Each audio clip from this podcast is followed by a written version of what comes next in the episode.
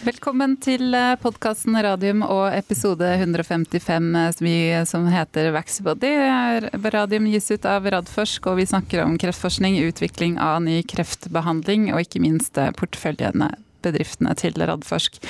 Det er 17. desember, klokken er 14 og det nærmer seg jul. Det er i hvert fall julemunter stemning i studio i dag. Velkommen Jonas Einarsson. Takk og god jul. Takk og god jul. Nå holder det for i år, si. Det er ikke juleferie ennå, vet du. Nei da, det er ikke det. Nei. Men uh, det er veldig hyggelig å ønske velkommen til uh, gjestene våre fra Vaxybody. Agnete Fredriksen, gründer, forskningssjef og president. Velkommen tilbake i studio. Det er ikke så lenge siden du var her sist. Nei, sånn er det. Når vi blir flere, så har vi nyheter oftere. Ja, det er bra. Eh, veldig hyggelig å ha deg her i hvert fall, som vanlig. Og så er det hyggelig å ha Gunstein Norheim, direktør for infeksjonssykdommer i Vaxibody her. Hei, hei. Hei. Første gang. Ja, aller ja. første gang. Ja. Um, vi hadde jo en podkast i går med Ultimox, så det har ikke skjedd noe siden sist? Ikke noe jeg har fått, fått, med meg siden sist, nei. nei det er bra. Da, da, skipper vi den. Men da tenker jeg egentlig at vi må høre litt mer om deg, Gunstein, siden det er første gang du er med i podkasten, og du er relativt nyansatt i i Vaxibody, eller 1. april, hvis ikke jeg husker feil? 2020? Ja, det stemmer. Ja. Jeg begynte 1. april. Ehm, jeg eh, er fra Hardanger, har eh, tre barn, har jobba med vaksiner siden 2001. Ehm, har eh, vært hos de som lagde den første B-vaksinen i Norge, meningokokk B, som senere ble til en del av Bexero, som GSK har hatt.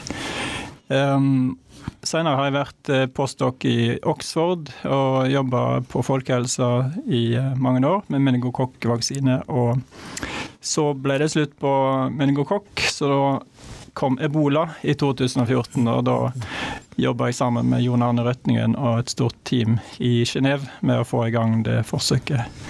Så det ble til CEPI eh, etter hvert, Coalition for Epidemic Preparedness Innovation, som vi starta rett etterpå, med egentlig samme gjengen.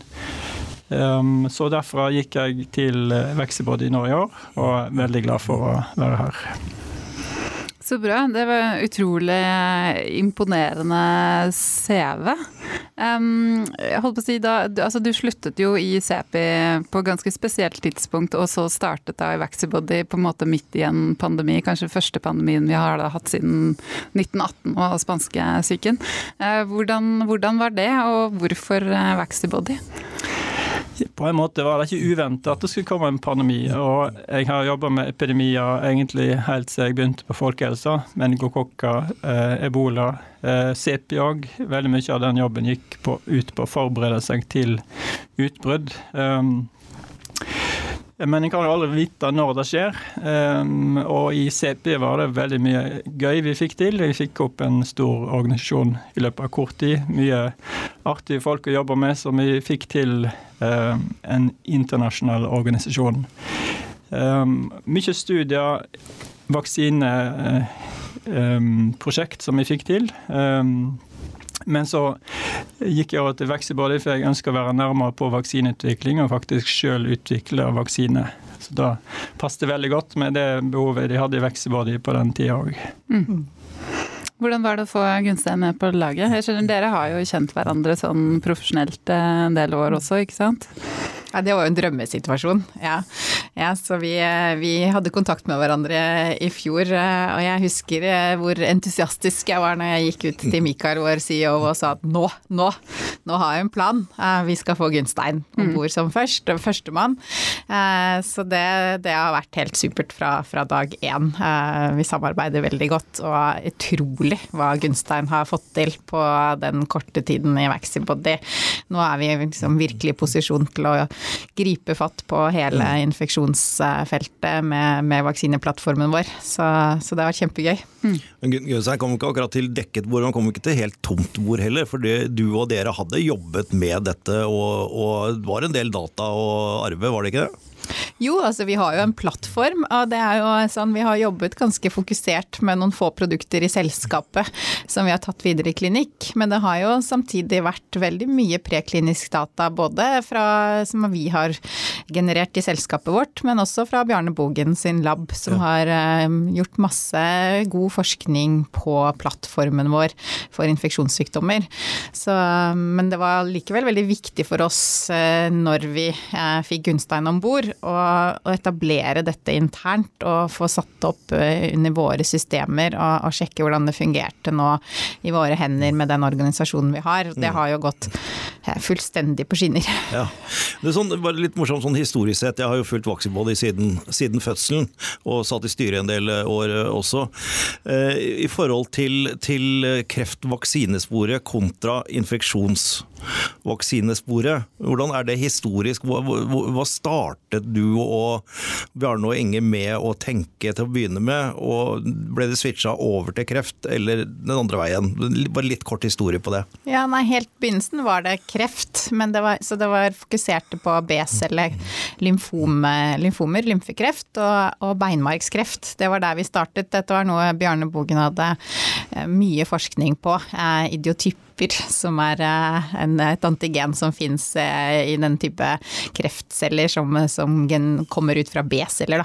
Eh, så det startet sånn sett smalt, og så skjønte vi jo at dette kunne brukes bredere og bredere. Så vi var ganske fort i gang med infeksjonssykdommer, og det er gjort veldig mye der på, på influensa, men også på hiv, og vi har gjort på ebola og ja, veldig mange forskjellige sykdommer. Så vi hadde jo ganske mye bakgrunnskunnskap at uh, visste at det kunne egne seg. Så mm. det har for selskapet har det mer handlet om å, å, fokusere i begynnelsen og vise at plattformen vår fungerer på, på noen viktige felter. Og så var vi jo veldig klar for å begynne å, å utvide, eh, spesielt da etter forrige høst hvor vi så, så såpass lovende resultater eh, som vi hadde fått til på spesielt den persontilpassede, men også på, på den HPV-vaksinen vår. Mm.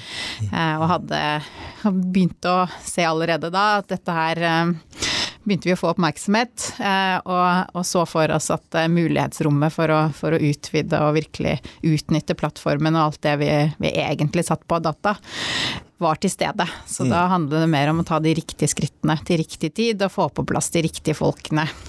Det var jo helt tilfeldig at vi startet med infeksjonssatsingen midt i en pandemi. Eh, det var ikke Vi planla dette lenge før vi hadde hørt om korona. Mm. Men, eh, men eh, Gunstein, tilbake til deg. Altså Vaxibody, da det konstruktet som er liksom teknologien i, i selskapet. Hvor, hvor, mye visste du om det før du takket ja? Og, altså, og da tenker jeg liksom på anvendeligheten, sånn som Agnete beskriver her, da. Jeg vil jo si at det kommer til Vaxibody med mål å skulle utvikle infeksjonsvaksine. Litt som å komme til et sånt verksted der alt er på plass. Du har folkene, du har verktøy, du har plattformen, men du anvender på noe nytt. Um, veldig mange flinke kollegaer, og vi kunne egentlig begynne rett på det targetet som vi hadde på covid. Um, og da er det ikke så eh, Da hadde vi litt flaks òg, for det er et veldig godt antigen, det er spike-proteinet. Um, men eh, det er riktig at det er veldig mye som er å bygge på, prekliniske data, og hvor mye man kan få ut av den plattformen. Mm. Men, men forsto jeg det da riktig sånn at dere, du kom inn og dere startet på covid-19? Jeg tror nok Agnete hadde hatt det i hodet sitt Eller hadde du sittet og snekra litt grann i laben? Vi tjuvstarta litt. Ja, men Fortell litt ja. mer om dette her, det er spennende å høre om. Nei, eh, altså når dette skjedde så var vi jo og snakk med alle mulige mennesker i hele verden, og, og, det føltes litt som et press. Det var ingen som visste da hva som skulle til for å få en effektiv vaksine. Eh, og vi var jo, hadde mye selvtillit og var veldig fornøyd med de dataene vi hadde generert eh, innen kreftvaksinefeltet. Så det var ikke bare oss, men også flere vi snakket med rundt omkring som så skal dere ikke også bidra. Det var, det var mer, kanskje mer en følelse om at vi hadde en forpliktelse for å prøve og prøve å bidra. Eh, det var ingen som visste da at spike-proteinet var såpass effektivt at, at mange vaksiner fungerer til en viss grad, selv om, selv om det er begrensninger på de første vaksinene som nå, nå er under godkjenning. Um, så, så, det føltes som om vi, vi burde, uh, samtidig som vi selvfølgelig også skulle starte med infeksjon. Uh, hadde vi jo allerede bestemt. Um, Men uh, vi var jo få. Altså, vi er jo fortsatt bare 50 mennesker i Vaxipoddy, og våre konkurrenter er jo godt over 1000 eh, som starter og hiver seg rundt. Så vi har jo vår teknologi som vi er ekstremt eh, fornøyd med, som vi nå bare har fått eh, enda mer bekreftelse på at, at er velegnet. Eh, og så tar det litt tid å bygge en organisasjon som er klar til å kjempe tidslinjemessig også helt, helt i front. Eh, så det er vi jo da i i gang med. Mm. Mm. Og det høres ut som du har, da har fått noen kollegaer? Absolutt. Ja. Den uh, første som var der, var jo Agnete og uh, Elisabeth Stubbsrud. Ja. Uh, og uten de hadde ikke dette gått. Så de er jo bedriften sitt sentral memory, rett og slett. Jeg har møtt, møtt, Elisabeth også noen ganger, kjempedyktig. Mm. Jeg tror vi skal gi mye kreditt til Elisabeth, som har jobbet uh, i Vaxipod nest lengst etter mm. meg, og, uh, og, det grepet tok vi ganske tidlig. At vi overførte Elisabeth til å være Gunstein sin høyre hånd, for å virkelig gi den bakgrunnen eh, som vi har på Vaxibody veldig lett tilgjengelig for Gunstein og inn i infeksjonsfeltet. Så, så, det teamet der har jo vært helt supert. Litt sånn dream team, eller? Ja, så jeg eh, hadde jo jobba i CEPI før og visste hvilke krav som stilles til fart på en bedrift som skal lage vaksine. Og Det som var litt spesielt, var at eh, Agnete la til rette for at et helt team som hadde alle, altså CMC-klinikk, preklinikk og regulatorisk sammen med en gang. Mens vanligvis så ville du brukt to år med bare preklinikk museforsøk challenge. Og så går du til ledelsen og sier kan vi få penger mm. til å, å gå videre. Men her var det rett på med en gang, og møter veldig ofte um, alle involvert i prekliniske dataplanlegging. Mm. Så bra. Um, vi skal komme litt tilbake til den covid-19-vaksinen og de dataene dere har presentert uh, på den. Jeg tenkte, Dere har jo også nå presentert hele strategien for infeksjonssykdommer, så jeg tenkte vi kunne begynne egentlig med liksom, det litt mer overordna, Agnete. Så hvis du kan dra oss litt uh, gjennom strategien og hva vi har å vente oss. Ja, altså igjen, igjen litt kreditt til Gunstein, som for det første har ekstremt mange gode kontakter rundt omkring i verden. Så den prosessen som, som vi har vært gjennom nå de siste månedene med, med innhenting av data fra utrolig mange eh, kilder, pluss samling av et eh, ekstremt eh, dyktig advisory board som har virkelig engasjert seg, både innenfor det vi har bedt dem om og utenfor. Eh, Eh, så har vi jo eh, en ganske mye data å sitte på som vi, vi, eh, vi, nå skal bruke videre. Noe av det viktigste i den prosessen er jo det å fokusere på hva er det Vaxibody sin plattform er helt unike styrker, da. Så der har vi jo dette som vi ser på med den ekstremt raske starten av en immunrespons som vi har med vaksinen vår, fordi den er målstyrt. Og så har vi dette med at vi kan ha eh, Vi vet at vaksinen eh, takler å få inn ganske mange forskjellige typer antigener. Eh, om de er da fra det samme viruset, eller fra ulike varianter av viruset, eller ulike proteiner fra viruset, eller fra forskjellige virus, nå sier jeg virus, men patogener. Mm. Det, det, er altså en stor styrke for plattformen vår, pluss denne produksjonsprosessen. Eh, og noe som kanskje vi ikke har snakket så mye om, eh, er den evnen vi kan til å liksom tviste litt rundt og, og virkelig skreddersy for å få den riktige immunresponsprofilen. Så det har vært helt sentralt i utviklingen av strategien. Så vi har jo eh, Strategien vår nå er egentlig med tre fokusområder. Og det ene er å virkelig fortsette å underbygge og utnytte det, det med disse styrkene i plattformteknologien vår.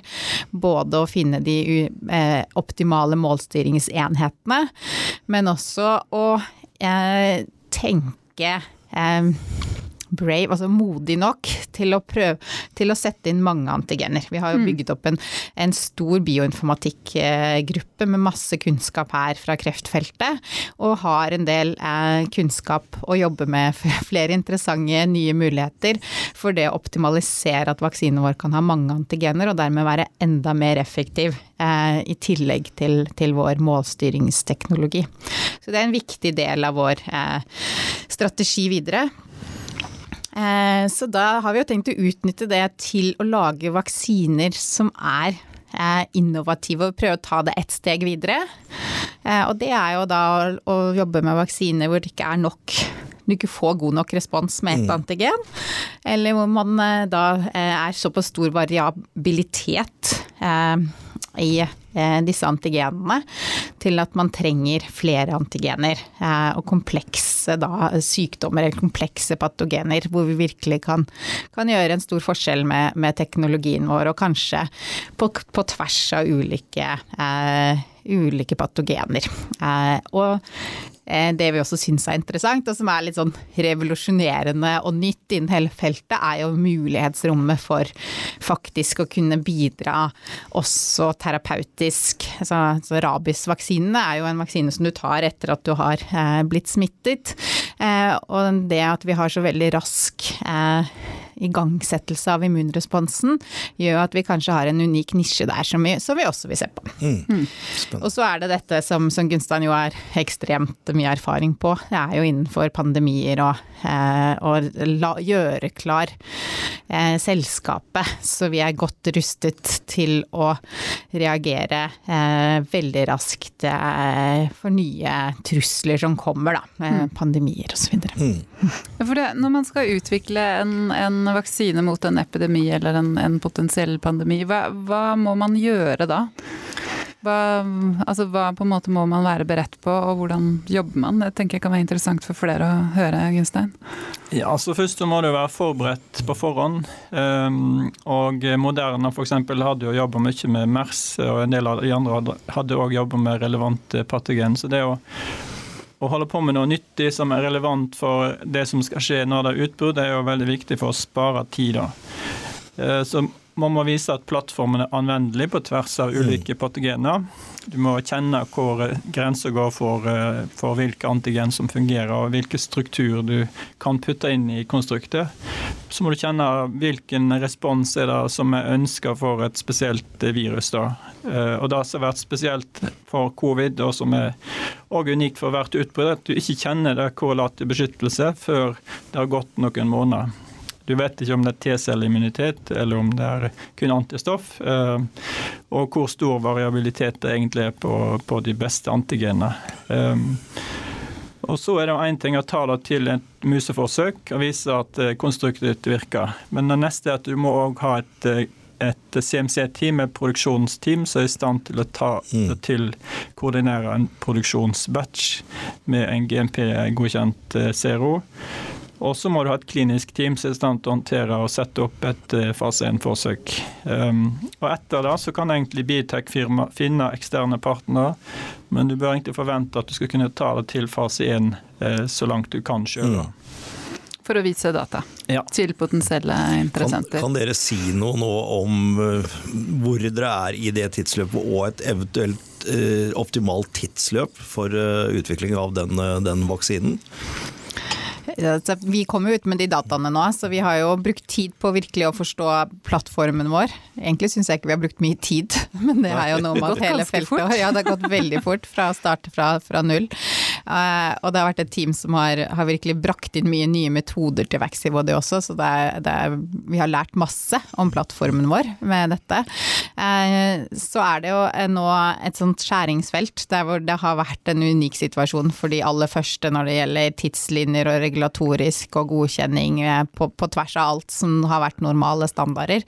Eh, så nå endrer jo feltet seg litt. Eh, og vi har hele tiden egentlig tenkt at vi blir jo en annen generasjonsvaksine. Mm. Og føler fortsatt på egentlig den samme forpliktelsen som vi hadde i mars, om at hvis det er slik at verden trenger en vaksine hvor man kan få effekt etter kun én dose, og alle de fordelene vi også har på produksjonssiden eh, når det gjelder eh, å produsere det raskt og oppskalere lett, og, å kunne distribuere dette på, på normale temperaturer. Mm. I, I, motsetning til hva f.eks. Biontech Pfizer sin vaksine har av begrensninger. Eh, så vil vi fortsatt eh, kunne være der og tilby vår vaksine. Så vi tar det nå, eh, men gradvis. Eh, vi tar jo følger med på feltet. Dette har vært et eh, felt hvor det har vært publisert nye ting kontinuerlig. Så det, det er jo det å finne den riktige, riktige veien for Vaxibody inni, mm. inni dette, er noe som, som det kan ikke si sånn ni måneder fram i tid. Hva gjør vi akkurat ni måneder frem i tid? For her er det hver uke påvirker planene. Men vi går videre med, med stor glede og, og, tiltro til de dataene vi har generert foreløpig. Mm. Jeg, jeg, jeg, tenker at De vaksinene som kommer nå, heldigvis Nå hørte jeg i bilen på veien hit at uh, antagelig 27.12. så blir den første dosen satt her i Norge. Uh, det er i hvert fall det EU nå planlegger for, under forutsetning at den blir godkjent av EMEA 21. Men det, det regner vi vel med at det gjør. Uh, dette er jo vaksiner som ville i et normal setting vært videreutvikla sånn som jeg skjønner det. Eh, med, med, tanke på produksjon, med tanke på stabilitet, med tanke på frakt i minus 70 grader og minus 20 grader, med tanke på én dose istedenfor to doser. Mm. Eh, men det er jo selvfølgelig helt riktig å få dette ut og begynne å vaksinere nå. Mm. Men dette er ikke de optimale vaksinene. Mm. Og jeg vil gå ut ifra at de vil, andre konkurrentene deres, da, vil mm. jobbe videre med å, å løse disse problemene men, men, men og, og, da lansere det. Og da tenker jeg at da kan Voxabody kanskje være med i det racet. Absolutt. Mm. Det er bra. Mm. Men, men, i forhold til jeg må spørre deg, Gunstein, i forhold til de vaksinene som kommer nå, hva, hva kan vi egentlig forvente? I forhold til er... Eh, av de som på en måte nå er under godkjenning eller allerede er blitt sånn rullet ut eh, noen land, eh, og de som man kan se for seg kommer til Norge, da. Hva, hva kan vi forvente oss av de? Du kan forvente at de er effektive, men man vet jo ikke lengden på varighet av beskyttelse. Man kan forvente at, man har, at de er sikre nok til å kunne brukes i en situasjon som nå, da du veier Eh, bivirkninger mot eh, nytte i samfunnet. Eh, men relativt sett så er det to måneders data på bivirkninger. Så foreløpig ser det veldig bra ut.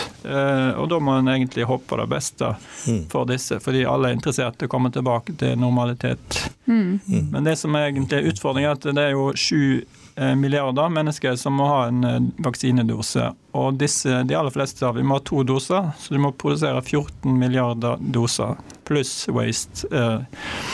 Og i, for de aller fleste på jorda så fungerer det ikke med minus 70 graders transport på tørris, um, fordi du må bruke vaksinen innen fem dager etter at du åpner det. Mm. Og ifølge UNICEF så er over 52% av det som er sånn lova vaksinedoser, det er basert på rekombinant protein. Mm. Um, nå har vi sett at Sanofi måtte gå tilbake til start. Og GSK de hadde basert seg på å levere store mengder med rekombinant protein og adjuvans. Så finnes det en vaksine fra Kina som, heter, um, som er basert på det samme. Um, og så er det en vaksine fra New Zealand som CP hadde, som òg dessverre blir stoppa da. Mm. Så vi ser at den, hvem som er i titt, forandrer seg helt mm. fra første øyeblikk til nå.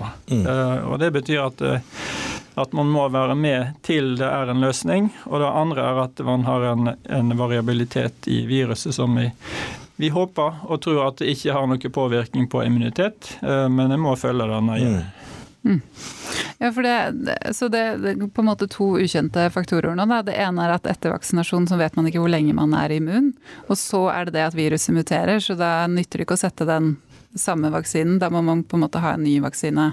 Er det Nei, riktig altså det er forstått? veldig liten sjanse for at mm. det skal mutere og vaksine ikke er effektiv mot det. Okay. Det er mer en teoretisk risiko til nå.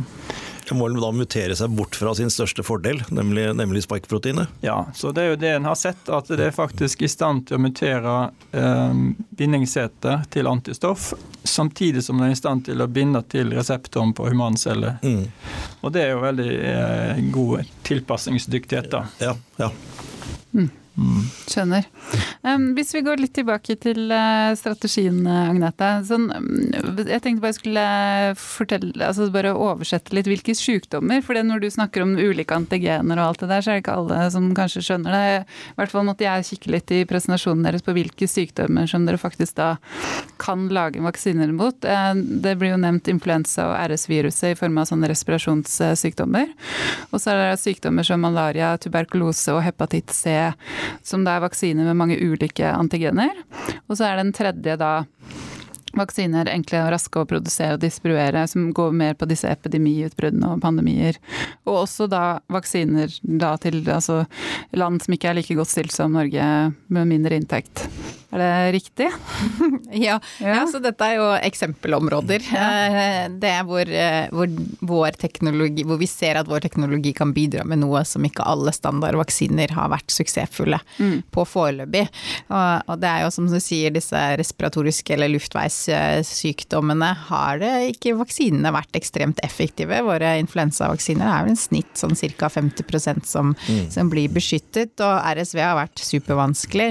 Eh, så det er jo jo på en måte ett felt. Eh, og så har vi jo alle disse komplekse patogenene hvor man, man ikke helt vet ennå nødvendigvis hva som beskytter, eller det krever ganske mye eh, for å få en beskyttelse, i motsetning til kanskje som vi snakket om nå, koronavirus, hvor man har tatt den, det mest eh, sannsynlige antigenet uten å vite så mye, puttet det inn i vaksinene, og det har jo, har jo vært suksessfullt så langt. Men der handler det jo veldig mye om det om å kunne lage det raskt og få en, få en rask respons. Mm. Og det gjelder jo også da reisevaksiner, hvor eh, vi etter dette her har tenkt å, å reise litt igjen, i hvert fall jeg. Ja. Hva, er du lei av, er du lei av Norge? Nei da. Jeg får av og til sånne bilder fra Gardermoen og folk lurer på om jeg savner det. I begynnelsen gjorde jeg ikke det, men nå kjenner jeg jo mm. kjenner jeg litt på det. Men vi er jo et sånn utålmodige folk, så, så det å kunne tilby det vi kan med vår teknologi, da, og som vi har veldig mye data på at skiller seg fra andre, er at vi får god, god effekt etter den første dosen. Og da er jo også sånne, det, det type felt relevant. Mm. Um, så, så, det er jo egentlig ganske bredt. Ja, for det var det jeg da skulle spørre om, for det er nok en gang ganske bredt. Og så har dere på en måte covid-19-vaksinen som en sånn proof of concept, som dere nå jobber med og har gode prekliniske data musemodell på. Mm. Men eh, hva gjør dere nå framover for å velge, eller jobber du i laben og kikker på ulike data? Jeg er mest på Teams, faktisk. Mest på Teams og jobber med data. Og lese og prøve å sette meg inn i litteratur. Ja. Eh, men eh, vi holder på å rekruttere, og vi har rekruttert. Og vi skal begynne med nye kandidater på nyåret. Til nå har vi ikke vært så mange, så vi har, eh, har jobba mest med covid-19-kandidaten. Um, og så skal vi begynne med nye ting på nyåret. Både konsept og, og patogener. Og da vi har jo hatt en prosess nå som går ut på å korte ned fra over 100 patogen til noen kortlister. Og så basere oss på et valg ut fra hvor vi tror vi har best plattformegenskaper. da. Spennende. Et, spørsmål litt på siden, men bare litt nysgjerrig. Eh, nå ser vi jo at det er mellom 90 og 95% som ser ut som er effekt, effekten av, av, de nye vaksinene, mot at vi har ligget på 50-60-70 tidligere, stort sett i, i influensavaksiner og den type. Skyldes det at det proteinet og den antigenet man har valgt nå, er så bra øh, og treffer så riktig at det er derfor den effekten blir så høy, eller er det at det er en ny teknologi, vaksineteknologi, øh, i disse nye, nye, nye vaksinene som kommer nå? Altså, for det første så er jo, um, er jo Speik ganske konservert, eh, og det har ikke forandret seg gjennom disse ni månedene på den måten at den ikke ser effekt lenger. Eh, for de som har designet vaksine, har basert på Wuhan-isolatet, mm. sekvensen fra januar. Og den er fortsatt effektiv i november. Um, men det andre er at plattformen du bruker, mRNA, er jo veldig rask uh, å tilpasse, akkurat som DNA-plattformen. Um, og de andre som har vist effekt, er jo adenovirus fra Oxford, som mm. Eh, har en T-cellekomponent den induserer. Mm. Så det har noe å si hvilke plattformer du bruker, og hvor stor variasjon det er.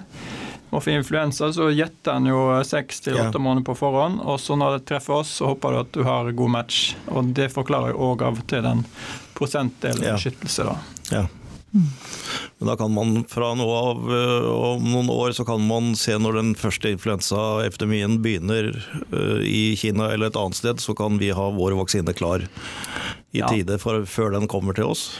Altså det, Den eh, prediksjonen er alltid veldig vanskelig. Og I år er den faktisk litt svekka fordi alt fokus har vært på covid surveillance. Um, men det å ha bedre internasjonale nettverk for å overvåke smittsomme utbrudd og ha de sekvensene, det blir eh, veldig viktig. Og da, Få, få de så tidlig som mulig, ikke sant? For det, ja, og da, Tiden den tiden du Ja. da kan spare på det, kan vi utnytte i design med en plattform som er basert på Ja. Mm. Så bra. Men er, er det generelt mindre influensa i år også, pga. at man faktisk har holdt avstand og vaska hender og sprita? den har ikke kommet og... ennå. Det har nesten ikke vært noe meldte tilfelle. Dette kan sikkert du tusen ganger mer enn, mer enn meg, men jeg har i hvert fall som gammel allmennlege registrert at det, det har ikke kommet noe epidemi ennå. Ja, jeg tror det er mye lavere enn eh, Jeg har ikke hatt influensa på min radar eh, tidligere. Men, eh, men det er mye mindre i år enn det pleier å være. Begynner i november. Det er jo, jeg holdt på å si, det er en, en god, god, God ting. bivirkning. Rett og slett. Men, men eh, altså sånn ut fra Da skjønner jeg sånn dere skal jobbe litt videre nå, komme med litt nytt der, så er det ikke noe vits å spørre noe mer om hvor, de, hvor dere går.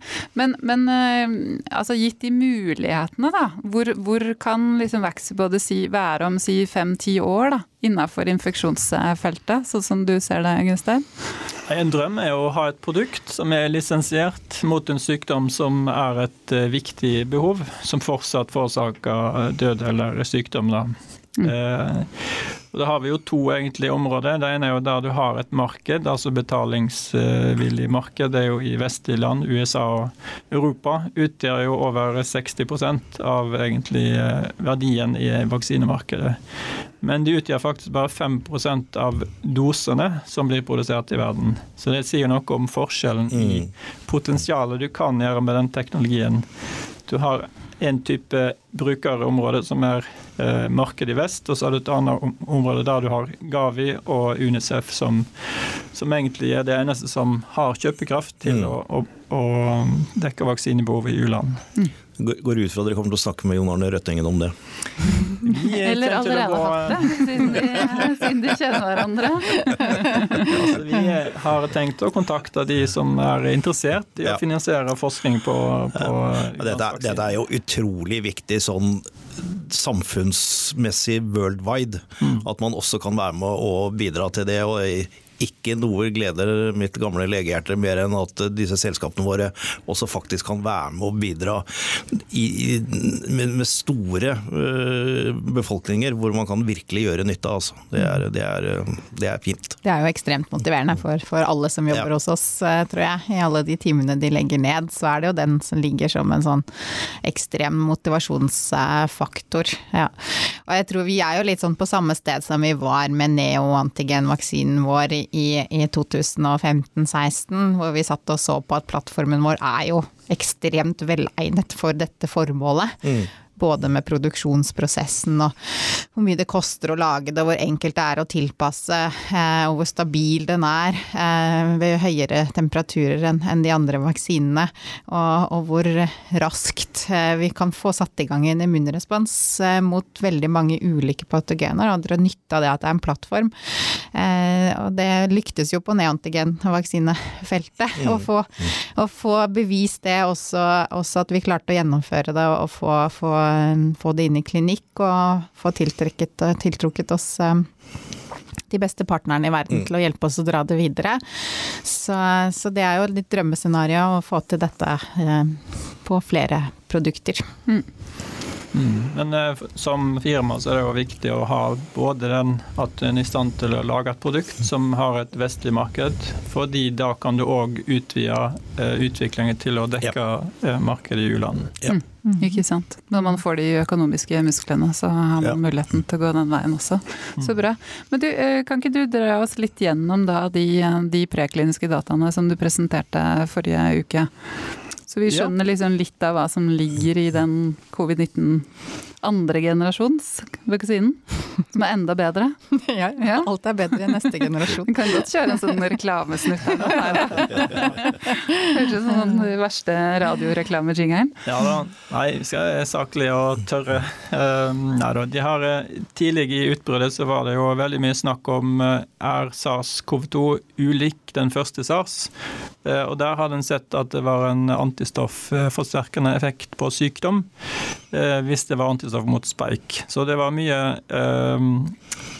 diskusjon hva er det beste antigenet å bruke. Så vi for å dekke alle kanaler så valgte vi å gå bredt ut og teste mange ulike vaksinekonsept. Eh, og da brukte vi både hele spike-proteinet og to ulike varianter av det som kun binder humanceller, som heter reseptorbinding domain, RBD.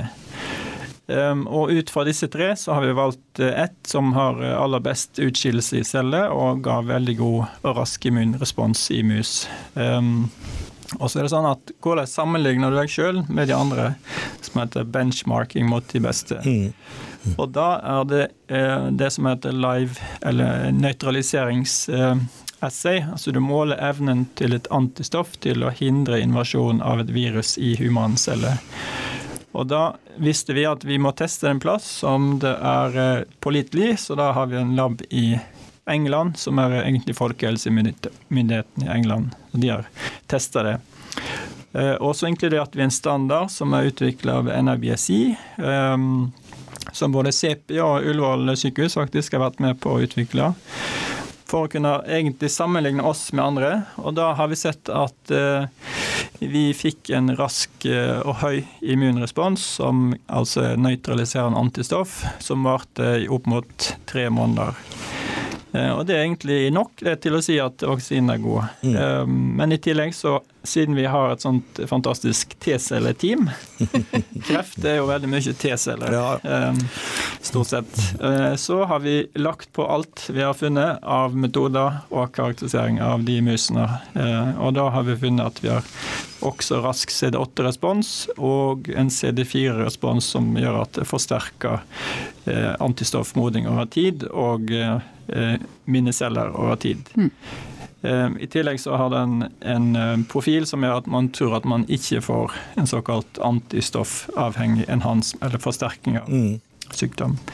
Så det er kortversjonen mm. av, av det.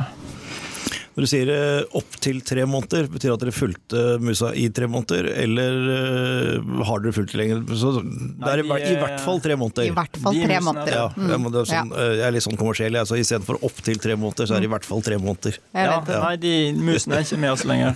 nei. Men det er jo ingen levende til sånne forsøksmus. Ja, nettopp. Sånn ja, nei, en eller annen gang må man avslutte. Men det var ingen tegn til at, at det var noen ned, nedgang i immunresponsen i den perioden. Så så vi vet jo ikke hvor lenge. Nei. Men vi har fulgt det med tre måneder. Det henger jo sammen med hvis du også får en god utvikling av CD4. Du får CD8 mm. som smack går inn og gjør jobben sin, og så får du godt med CD4. Så vil det jo, mm. det lille jeg kan om dette her, de, de, biologien tilsi at det, da vil CD4-cellene sørge for at dette mm. vil vare en stund. Det er litt sånn eh, skremmende neglisjert område i eh, infeksjonsvaksinefeltet. Det ja. er fokuset på T-celler, fordi antistoffene er viktige. Og de er viktige for å hindre og nøytralisere viruset. Eh, men T-celleresponsen er òg veldig viktig. Så det håper vi å fortsette å, å, kunne bevise selv. Men vi ser jo også at feltet er mye mer åpent for det nå ja. enn de var for fem år siden. Så, ja, så der har man liksom noen overføringer sånn synergier fra det dere har jobba med på kreftvaksiner og kan innenfor immunologi, som kan brukes direkte inn på infeksjonsfeltet?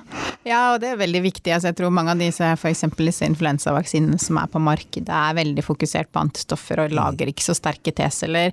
Eh, og det kan jo være noe av årsaken til at det ikke er så langvarig respons som du sier her. Altså, det å få opp nye teknologier nå som klarer å engasjere begge deler, for å gjøre det enkelt, av, mm.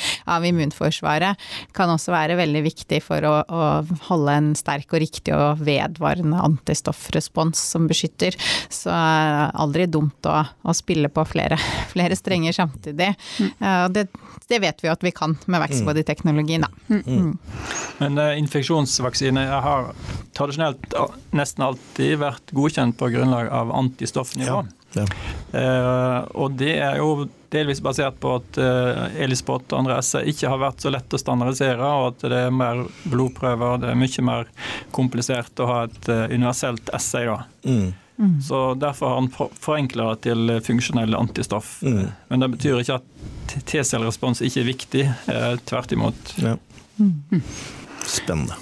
Går det an å si noe om når man kan forvente first in man med vaksinen? Se på Agnete. Jeg pleier å spørre, så får dere si det kan vi ikke si noe om. Nei, det kan vi ikke si noe om nå. Nei, altså, vi, vi, har vel sagt at vi kommer med litt flere oppdateringer i løpet av neste halvår mm. på, på, hvordan dette programmet tas videre um, hos oss. Og så, ja, men planen er jo absolutt å med mindre ting skjer, og, og, ta det videre så lenge det er fornuftig. Vi mm. tror jo det er fornuftig, og vi mm. lærer utrolig mye av dette eh, prosjektet internt. Eh, ikke bare for koronavirusvaksineutviklingssporet, som, som er kjempeviktig, og som vi er dedikert til, men også for hele plattformen og alt vi lærer om, om hvordan Vi har jo laget mange varianter.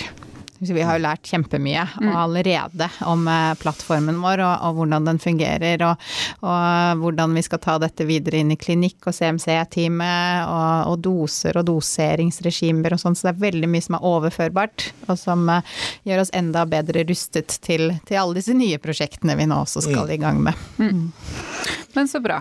Um, viktigste milepæler da for 2021? Det er mye, det. du trenger ikke ta, helt, ta topp tre, da. Nei. Eh. Det så ut som sånn, herregud, skal jeg si alle det. Det er så mye. Kommer det hver måned? jo, det er mye vi skal. For vi har jo veldig store ambisjoner, sant. Og vi skal jo gjerne eh, bygge selskapet videre på alle mulige felt. Både på kreft og på infeksjonsvaksiner. Ja. Vi har jo noen studier gående. Vi skal jo sette i gang den neste studien eh, sammen med Genentech på, på neoantigenvaksinefeltet. Kjempespennende spennende. Eh, selv om vi alle jobber nå, begynner en ny arbeidsdag når klokken er fem, sammen med Genentech, så, så, er det kjempeinspirerende. Så det er jo en stor milepæl for, for, oss. Og så er det oppdateringer da på hvordan det går med denne WBC02-studien vår. Eh, først safety, og så får vi se hvor langt vi kommer i forbindelse med å kunne komme ut med noe initielle data der på hvordan den virker i pasientene. Og så har vi alt dette som skjer på infeksjonsvaksinefeltet. Så mye som skjer, men det er veldig mye oppstart av nye prosjekter hos oss. Mm. Mm. Det er kjempegøy, da. Det er jo det. Mm. Men uh, hvis vi da går uh, ett år tilbake i tid til, til sånn ja, desember 2019, da.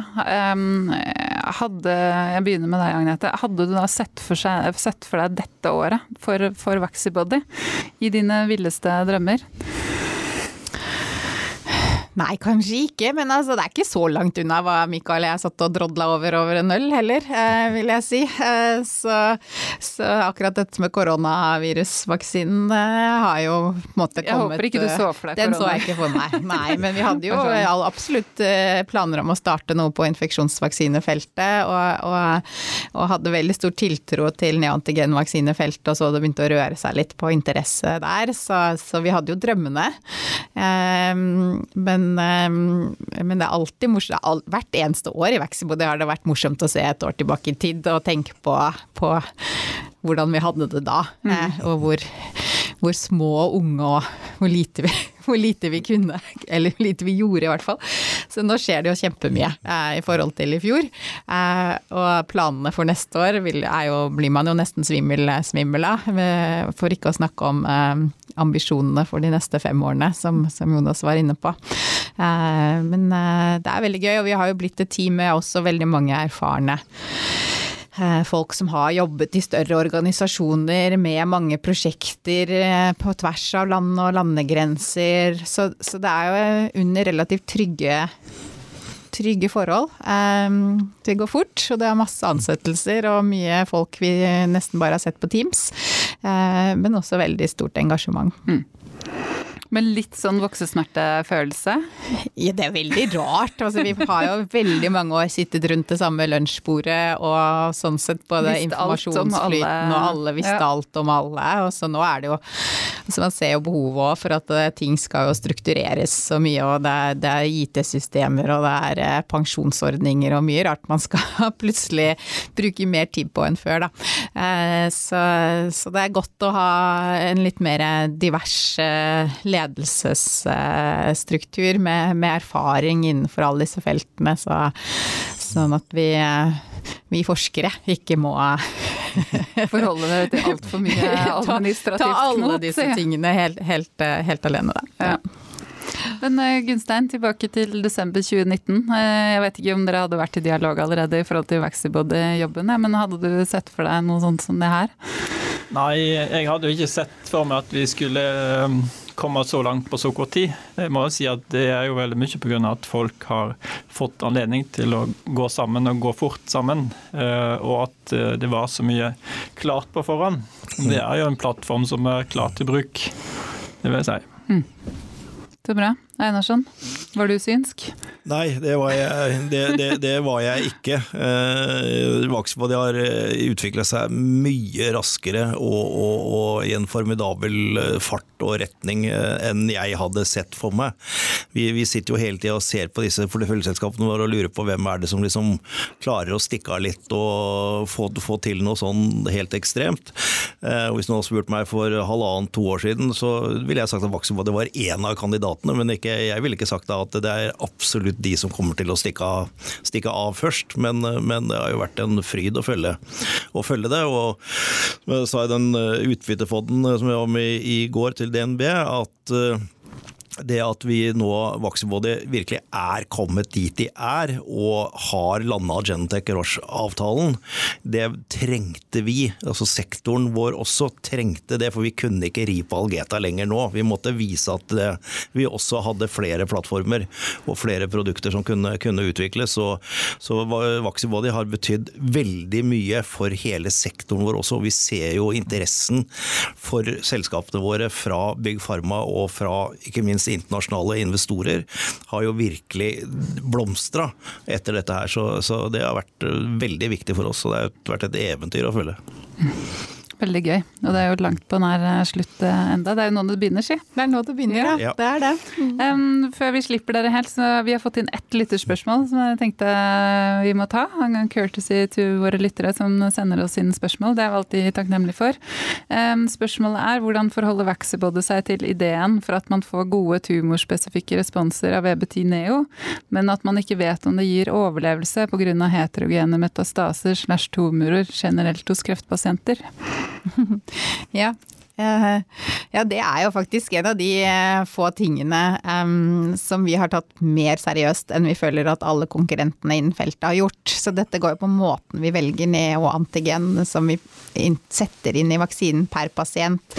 Så har vi lagt veldig mye vekt på hvorvidt det vil være sannsynlig at du kan få en effekt, en klinisk effekt, eh, hvis man får en immunrespons mot den neantigenen vi velger, i større grad enn å velge de som vi bare vil få en immunrespons mot, men ikke vet om det kan eh, forårsake klinisk effekt. Eh, så dette har vi jo egentlig hatt et veldig bevisst forhold til. Eh, og det er mange metoder, her er det egentlig metoder som handler om det å samle, samle fra startmateriale fra mange forskjellige metastaser, og, og være litt, litt, streng med hva man velger av neontigener. Og så har vi jo inkorporert som en av de aller første å måle i det som vi kaller circulating tumor DNA, som er mer en sånt representativt prøve fra, fra blodet eller plasma fra alle eh, metastasene i, i pasientene. Eh, men samtidig så er det nå Genentech som tar dette videre. Så hvordan de håndterer dette videre, vil jo være i samarbeid med oss og alt det vi har lært, mm. og alt det de kan. Eh, så det er absolutt i de beste hender. Mm. Høres bra ut. Um, tusen takk for at dere kom i studio i den travle førjulstida. Ekstra travle for dere, men veldig, veldig spennende. Spennende å se hva som skjer på nyåret. Um, skal vi ta juleferie i podkasten også nå, eller? Da tar vi juleferie i podkasten eh, hvis det ikke skjer noe veldig spennende før ja. jul. Da får vi ta en diskusjon om vi skal ha en liten, liten ekstra, ekstra sending. Det kan jo stadig vekk komme noen nyheter, men hvis vi ikke kommer tilbake før eh, nyåret, så kommer kommer vi tilbake 6. januar i hvert fall. Ja. ja. Flott. Takk.